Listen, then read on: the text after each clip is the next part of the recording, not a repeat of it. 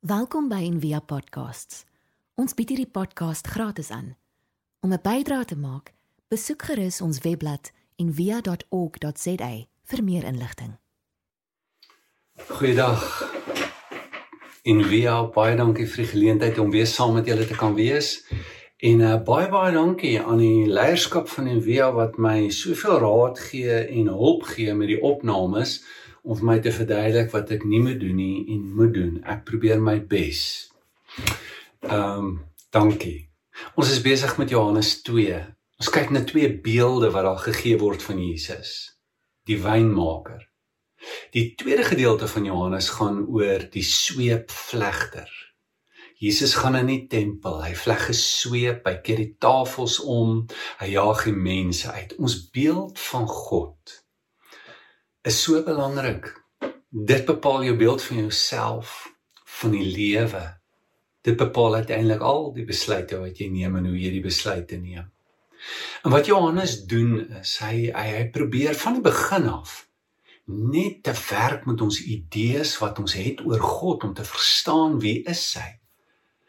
Nou kom hy en hy bring amper 'n kontras teenoor die prentjie en die idee wat hy nou net gehad het en gebring het van Jesus. In vers 12 is dalk die groot sleutel tot die verstaan van hierdie gedeelte van die sweepvlegter. Hy sê net nadat Jesus die wonderwerk gedoen het te Kanaan, water in wyn verander, toe gaan hy Kapernaum toe. En ehm um, toe gaan hy Jerusalem toe. En toe besoek hy die tempel. Nou dit het glad nie kronologies gebeur nie. En dis nou een ding wat ons nou agterkom van Johannes. Hy's nie besig om vir ons geskiedkundige weergawe te gee van die lewe van Jesus nie. Hy kontrasteer moeswillig twee beelde. Die een het gebeur in die begin van sy bediening en die ander een in die einde van sy bediening. Want hy wil net vir ons iets sê van Jesus. Dink 'n bietjie. Hy's passief. Nou is hy aktief. Hy's op die agtergrond, nou is hy op die voorgrond. Hy word gevra, "Help ons asseblief." Nou neem hy inisiatief en hy sê vir hulle, "Nie so nie." Hier maak hy die tafel vol. Hier keer hy die tafel om. Hier sê hy ja, hier sê hy nee. Dis 'n geweldige kontras. Hier voeg hy toe, "Hoe hier neem hy weg." Wie is hy?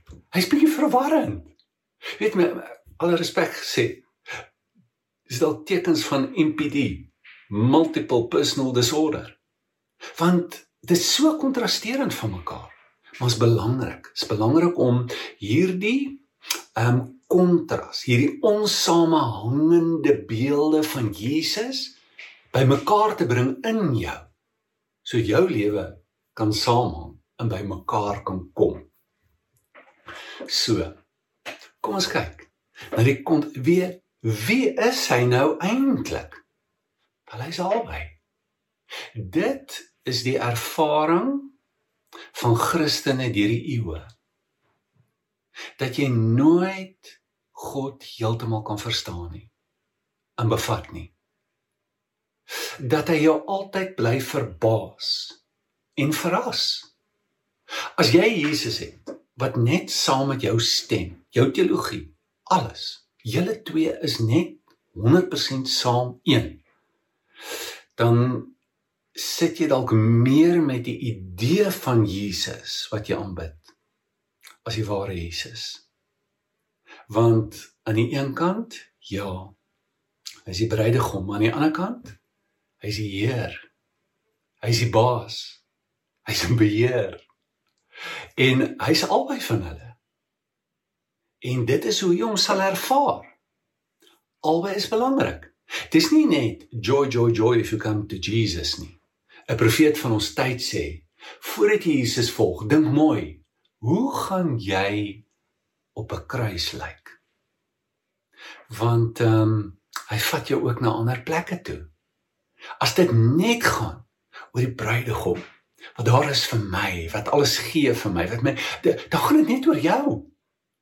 Daar kom 'n plek waar hierdie verhouding ook moet skuif en waar dit nie net oor my gaan nie, maar waar dit oor hom gaan. En dit is nou die uitnodiging. En miskien begin ons reis met die bruidegom met wyn met blydskap. Uh ek weet nie hoe jy by die Here uitgekom nie. Ek het bewus geraak van my sondigheid as 'n jong tiener. Ek het uh, baie emosionele pyn gehad sonder 'n pa groot geword. Uh, 'n ma wat sukkel om na my my boetie te kyk en my ouma. Daar's baie gebrek gewees, shame, al daai goed. Het my net voel man, niemand kan my help nie. Ek kan na God toe gaan. Dit is soos die verlore seun as jy agter die varke sit en niemand kan jou help nie, dan dan, dan raak jy desperaat vir opsies en moontlikhede om weg te kom daarbey. Maar dink jy die verlore seun En dan sy pa toe gekom en gesê en hy uitgevind dis alwaaroor dit gaan. My pa is net daar om my te help en my behoeftes te voorsien. Nee, ons kom dit agter by die oudste seun. Dis nie alwaaroor die pa in 'n lewe saam met die pa gaan nie. Hy wil jou verander. Hy wil jou transformeer. Dit gaan nie net om wyn nie. Dit gaan nie net om die wynmaker nie. Dis wie hy is. Hy's Heer. Hy's Vader. Hy's ver. Hy, hy weet baie meer. En en dis die uitnodiging om nie net 'n verhouding met hom te hê ter wille van jouself nie, maar 'n verhouding te hom met hom te hê ter wille van hom. Ehm um, so dis die uitnodiging, né? Nee? Dis wat hy vir ons vra. Doen die lewe diep saam met my. Ehm um, vertrou my. Hê my lief vir wie ek is. Volg my al verstaan jy nie. Al is dit ongemaklik, al vul dit nie dadelik 'n gevoelde behoefte in jou lewe nie. Want dit gaan nie net oor wie jy is nie, dit gaan wie ek is en dit gaan oor ons lewe saam en waarna toe hy ons wil vat en nooi in hierdie verhouding. Dink bietjie wat net in tuin gebeur is die verhaal van waar alles skeef begin loop het en waar alles vandaan kom. Uh, Daar's 'n boom in die middel van die tuin en God sê moenie van hierdie boom vat nie. Hoekom nie? Weet nie. Miskien, miskien is dit net omdat ek julle gemaak het soos wat ek is en dat julle eie keuse kan uitoefen. Ons gis. Maar toe kom die versoeking. Dis mos nou nie reg dat jy goed moet doen wat jy nie verstaan nie. Hoekom doen jy dit? Dit maak nie sin nie. Jy moet weet hoekom. Kom ek sê vir jou wat gaan met jou gebeur? Jy verstaan? Dit is hoe dit dis die pad met Job ook. Job kan jy God lief hê omdat hy God is? Of het jy God net lief vir wat hy vir jou doen? Vir wat jy kan kry by hom? Kan jy hom vertrou? Kan jy die lewe saam met hom doen? Die Here vra vir Job, Job, sê my net, wie is jy? Wie is ek? Uh, sê my, ehm um, uh, het die bliksemstrale eers toestemming gekry by jou voordat hulle slaan? En vertel my, waar was jy met die krokodil, met die seker? Hoe werk hierdie goed? Waar kom jy?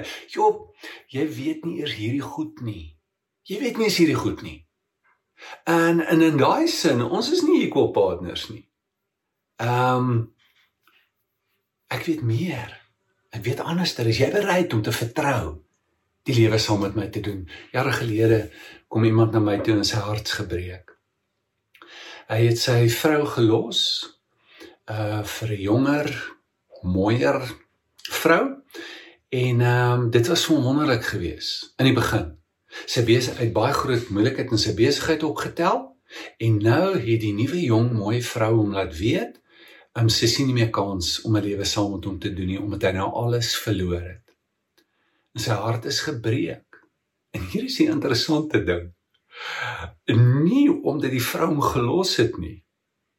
Hy sê hy het uitgevind sy eerste vroue is tot nou toe nog lief vir hom, maar sy is nie bereid om hom terug te vat nie. Hy sê maar wat hy sy onnugtering en sy pyn lê daarin dat die vrou wat hy gevat het, wat hy gedink het hy het lief, wat hy gedink het sy het hom lief vir wie hy is, los hom nou omdat hy nie meer vir haar kan sorg soos sy wil hê nie.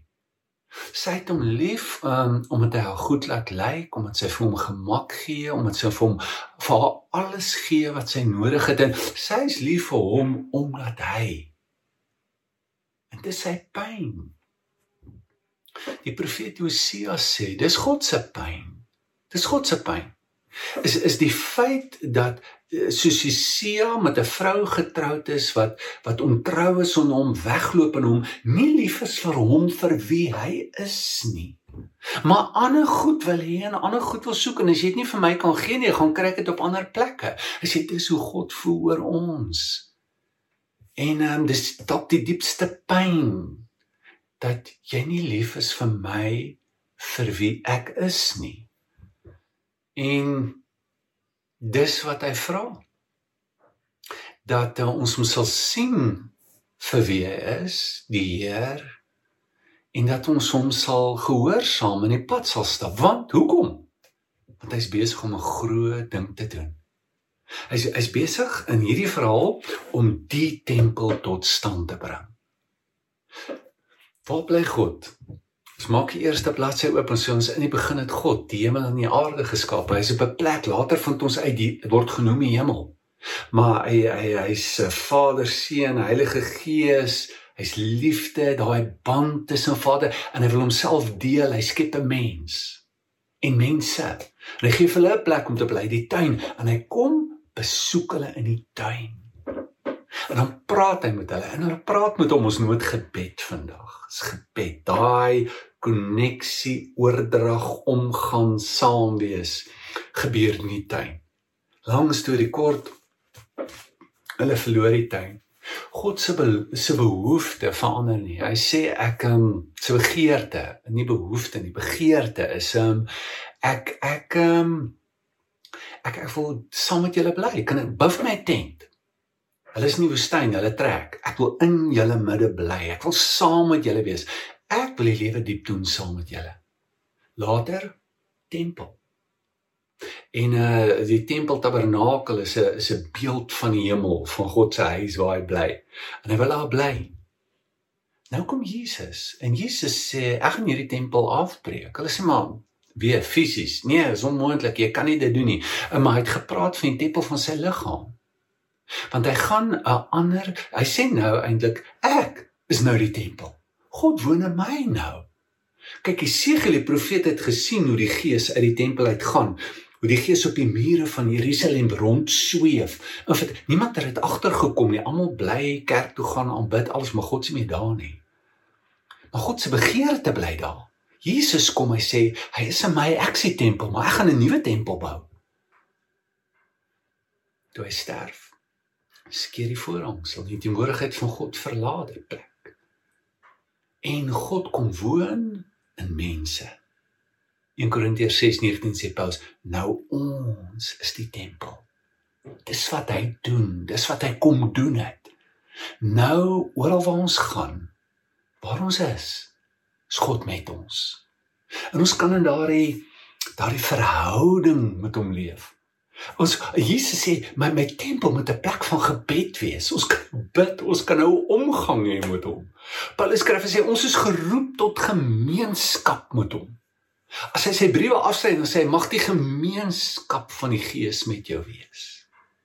Ons kan met 'n bewussyn leef dat God in ons is, met ons. Dit verander alles verander alles. 1 eh, Korintiërs 6, die gemeente het groot probleme. Daar's seksuele probleme, daar's verhoudingsprobleme, daar's afguns, daar's onreg. As hy sê nie vir hulle weet jy nie wat sê die wet nie. Hy sê vir hulle weet jy nie gees is in jou. As jy daai bewussyn kan ontvang, ontwikkel dat God in jou is en dat jy sy tempel is, skuif goed. Paulus bid 'n vreemde gebed in Efesiërs 3 vers 17 hy sê ek bid dat Christus deur die geloof in julle harte mag woon. Maar wag 'n bietjie. Julle is gelowiges. Jy het nou net gesê julle is 'n tempel van die Gees omdat julle gelowiges is. Nou sê jy ons moet bid dat hy kom en dat hy maar is interessant die woord vir woon wat daar gebruik word. Die amplified vertaling wat betekenis moontlikhede weergee van kernwoorde sê uh that he might settle down abide make his permanent dwelling in your house in in your in your heart. So so hier's die idee. Ek sê vir hulle hoorie, um dis nie tuintyd nie. Dis nie 'n tipe verhouding met die Here wat hy jou so nou nou kom besoek nie. En as jy nou en dan jy koneksie, is nie nooi hom net in die sitkamer van jou lewe en dan gaan hy weer nie. Hy's nie 'n gas nie. Hy sê bly by hom. Dat hy bly by jou. En hier's die ding wat gebeur as jy begin saam bly, dan begin 'n huis heeltemal anders te lyk. Want sy wil self van kussentjies. Dan moet oral kussentjies wees. Dit maak nie saak of hulle 'n doel dien, dit, dit dis net wat gebeur. En nou sê kan hy in jou huis kom bly? Kan hy ook sy stempel afdruk op hierdie huis? Kan hy ook vir jou sê waarvan hy hou? Kan jy die lewe diep saam met hom doen? Kan hy vir jou meer as 'n gas word? Kan hy tuiskom in jou lewe? Kan jy so lewe met hom leef? Ons ons verhouding met God, nee, is so 'n reis. Uh almal se lewens is 'n reis saam met God. Jy kan hom ignoreer, jy kan hom ontken. Dit is 'n manier om die lewe te doen saam met hom sonder hom. Ehm um, jy kan ook bewus raak van hom. Jy sê ek geïnteresseerd in hom en so nou en dan gaan jy na plekke toe waar hy is en goed wat hy doen en so, né? Nee? Ehm um, en jy idealiseer dit. Of jy kan sien jy is tyd om koneksie te maak. As 'n gas, van tyd tot tyd kuier ek met hom, van tyd tot tyd. Of jy gaan na 'n plek toe waar hy sê, ehm um, is is hy is, is is nie net 'n bruilofsfees wat ek bywoon nie. So nou en dan na lekker dinge toe gaan nie. Ek wil die lewe diep saam met hom doen. Gee my lewe oor, gee hom die reg om om te krap my te lei los te maak van my ekkigheid. Ehm um, ek sluit af met ehm um, Bernard van Clairvaux se idee van vier vlakke van liefde. Hy sê is om myself lief te hê vir myself. Dis die eerste vlak. Hy sê dan sit om God lief te hê vir myself, vir wat hy vir my kan doen. Dan is dit om God lief te hê vir God. Maar dan is dit om myself lief te hê vir God. Kom ons bid saam. Vader, dankie vir die woord en ehm um, dankie vir hierdie tyd saam op hierdie manier lei ons. Maak ons oë oop om te kan sien wie U is. Of wie ons is en waar ons is en wat die lewe is waarna U ons nooi. Ons vra dit in Jesus naam. Amen. Ons hoop van harte jy het hierdie podcast geniet of raadsaam gevind. Besoek gerus en via.ok.za vir meer inligting.